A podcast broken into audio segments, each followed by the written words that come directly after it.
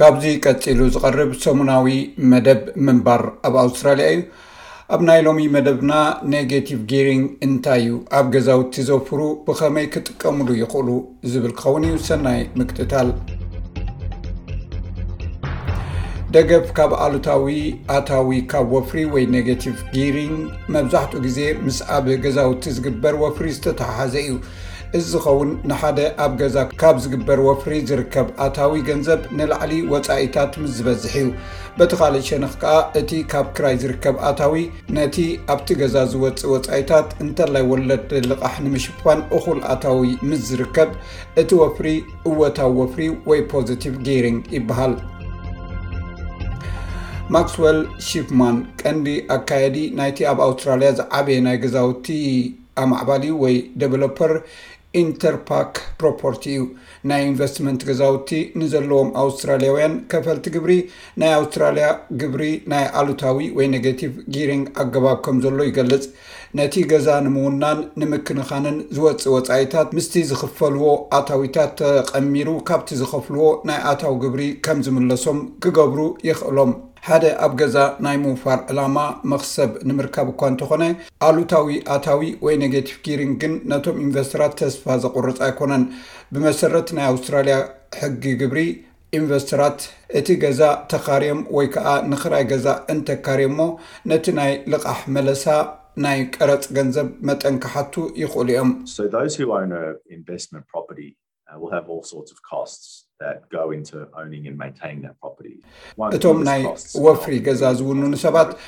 ነቲ ገዛ ንምውናን ንምዕቃብን ዝተፈላለዩ ዓይነታት ወፃኢታት የድልዮም እዩ።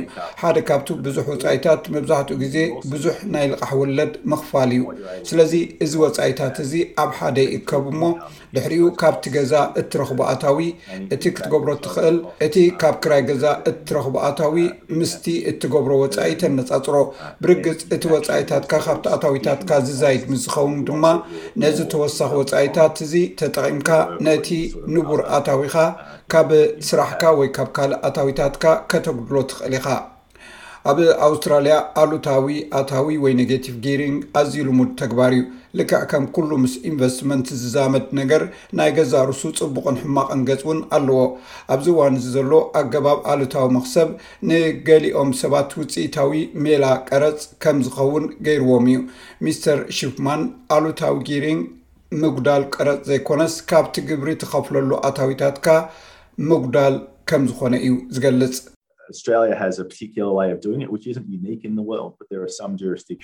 ኣውስትራልያ ኣብ ዓለም ፍሉይ ዝዀነ ኣሰራርሓ እዩ ዘለዋ፣ እንተዀነ ግን ኣብ ገለ ክፋላት ዓለም ገለ ናይ ዞባታት ብዝተፈልየ መገዲ ዝገብርዎ እውን ኣለዉ።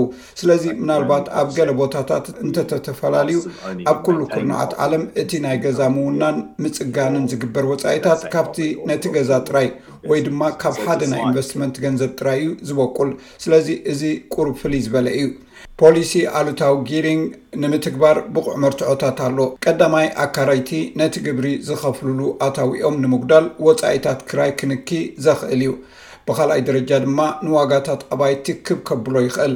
እዚ በቲ ዘሎ ናይ ቀረጽ ረብሓታት ኣብ ኔጌቲቭ ጊሪንግ ዓደግቲ ክስሕብ ይኽእል እዩ። ስቴቨን ማክበርንግ ናይ ግሩፕ ናይ ፋይናንስያዊ ኣገልግሎትን ኣብ ካንስተር ናይ ፋይናንስያዊ ምንጽጻር ኣገልግሎት ተንታኒ እዩ። ኔጌቲቭ ጊሪንግ ንናይ ክራይ ኣባይቲ ብኸመይ ከም ዝጸልዎ ይገልጽ። መንግስቲ ሰባት ኣብ ገዛ ብፍላይ ድማ ኣብ መንበሪ ገዛ ንኸፍሩ ንምትብባዕ እዩ ኔጌቲቭ ጊሪንግ ኣተኣታትዩ። ኣብዚ እዋን እዚ እቲ ዘሎ ብዝሒ ገዛውቲ ነቲ ዘሎ ጠለብ ክራይ ከማልእ እንተዘይክኢሉ ዋጋ ናይ ገዛ ክራይ ይድይብ፣ መንበሪ ገዛ ዘየዋጽእ ይኸውን። በዚ ድማ ሰባት ገዛእ ርእሶም ግዳም ሓደር ኮይኖም ክረኽቡዋ ይኽእሉ። ኣሉታዊ ጊሪንግ ኣብ ፖለቲከኛታት ኣካታዒ ርእስቲ ካብ ዝኸውን ሒደት ዓመታት ሓሊፉ ኣሎ። ኣብ ናይ ክልተ ሽሕን ዓሰርተ ትሽዓተን ፈደራላዊ ምርጫ ቢል ሸርተን ካብ ሰልፊ ሌበር ነቲ ኣብ ኢንቨስትመንት ዘሎ ናይ ግብሪ ረብሓታት ብምቕያድ ኣብ ማሕበራዊ ዘይማዕርነት ሻቕሎት ክፈጥር ስለ ዝኽእል ነቲ ኣሰራርሓ ናይ ኔጌቲቭ ጊሪንግ ክድርቶ ምዃኑ ቃል ኣትዩ ነይሩ። ይኹን እምበር ቀዳማይ ሚኒስተር ኣንቶኒ ኣልበነዝ ነቲ ኣብዚ እዋን ዘሎ ናይ ኔጌቲቭ ጊሪንግ ፖሊሲ ደገፉ ዓቂቡ ኣሎ።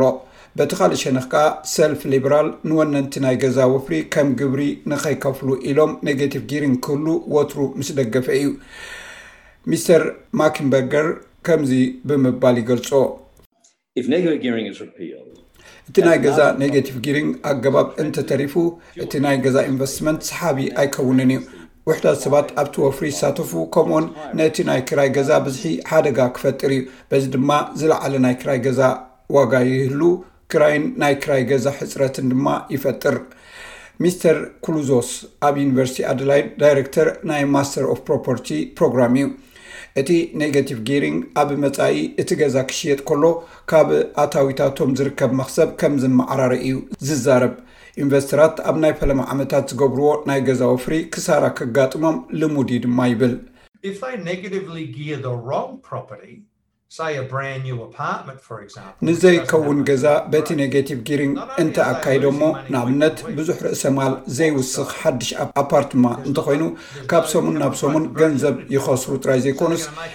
ዕብየት ርእሰ ማል ወይ ካፒታል ዝበሃል እውን የለን ወይ ድማ ኣዝዩ ድሩት ርእሰ ማል ይውህለል። ስለዚ ስእነት ካፒታል ወይ ርእሰ ማል እዩ ዘጋጥሞም ዘሎ ማለት እዩ።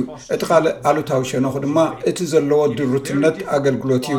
እቲ ባንክ እዚ ኢንቨስትመንት እዚ ኣብ ሰሙን ሚእቲ ዶላር ከም ዘኽፍለካ ዘሎ እንተስተውዒሉ፣ ነቲ ዝቕጽል ናይ ኢንቨስትመንት ገዛኻ ወይ'ውን ንመንበሪኻ ምዕዳግ ከለቃሕካ ኣዝዩ ኣጸጋሚ ይኾኖ። ከምዚ ዓይነት ዕዳ እንተጋጢምካ ንወፍሪ ዘይኮነስ ንመንበሪኻ'ውን ኣየለቃሕካን እዩ። ኢንቨስተራት ኣብ ገዛውቲ ብምውናንን ብምውፋርን ናይ ነዊሕ እዋን ሃብቲ ክድልቡ ከምኡ'ውን ካብ ናይ መንግስቲ መልዕሎን ናይ ጥሮታ ደገፍን ዘለዎም ትውክልቲ ክንኪ ይኽእል እዩ። Tax benefits encourage individuals to invest and save ካብ ግብሪ ዝርከብ ረብሓታት ብፍላይ ኣብ ግዜ ጥሮታ ርእሶም ክኢሎም ምእንቲ ክነብሩ ወፍሪ ክገብሩን ከድሕኑን የተባብዕ እዩ። ንኣብነት ዋላ እኳ ሓደ ናይ ወፍሪ ገዛ እንተወነንካ ሓሙሽተ ሚእቲ ሽሕ ዶላር ዝዋግኡ እውን እንተኾይኑ ኣብ መወዳእታ ድማ ነዚ ዕዳ እንተኸፊልካዮ ምናልባት ዕድሜኻ ምስ ኣኸለ ናይ ጥሮታ መልዕሎ ኣይፍቀደልካን ይኸውን ወይ ገለ ክፋሉ ጥራይ ኢኻ ትረክብ። ስለዚ ሰባት ንመንግስቲ ብዙሕ ጾር ኣይኮንዎን እዮም ማለት እዩ። ናይ ኣውስትራልያ ፋይናንስያዊ ዓመት ኣብ ሰላሳ ሰነ እዩ ዝውዳእ። ግብሪ ንናይ ዝሓለፈ ፋይናንስያዊ ዓመት ዝምለስ ወይ ዝወራረድ ድማ ካብ ሓደ ሓምለ ክሳብ ሰላሳን ሓደን ጥቅምቲ እዩ። እዚ ምንባር ኣብ ኣውስትራልያ እዩ።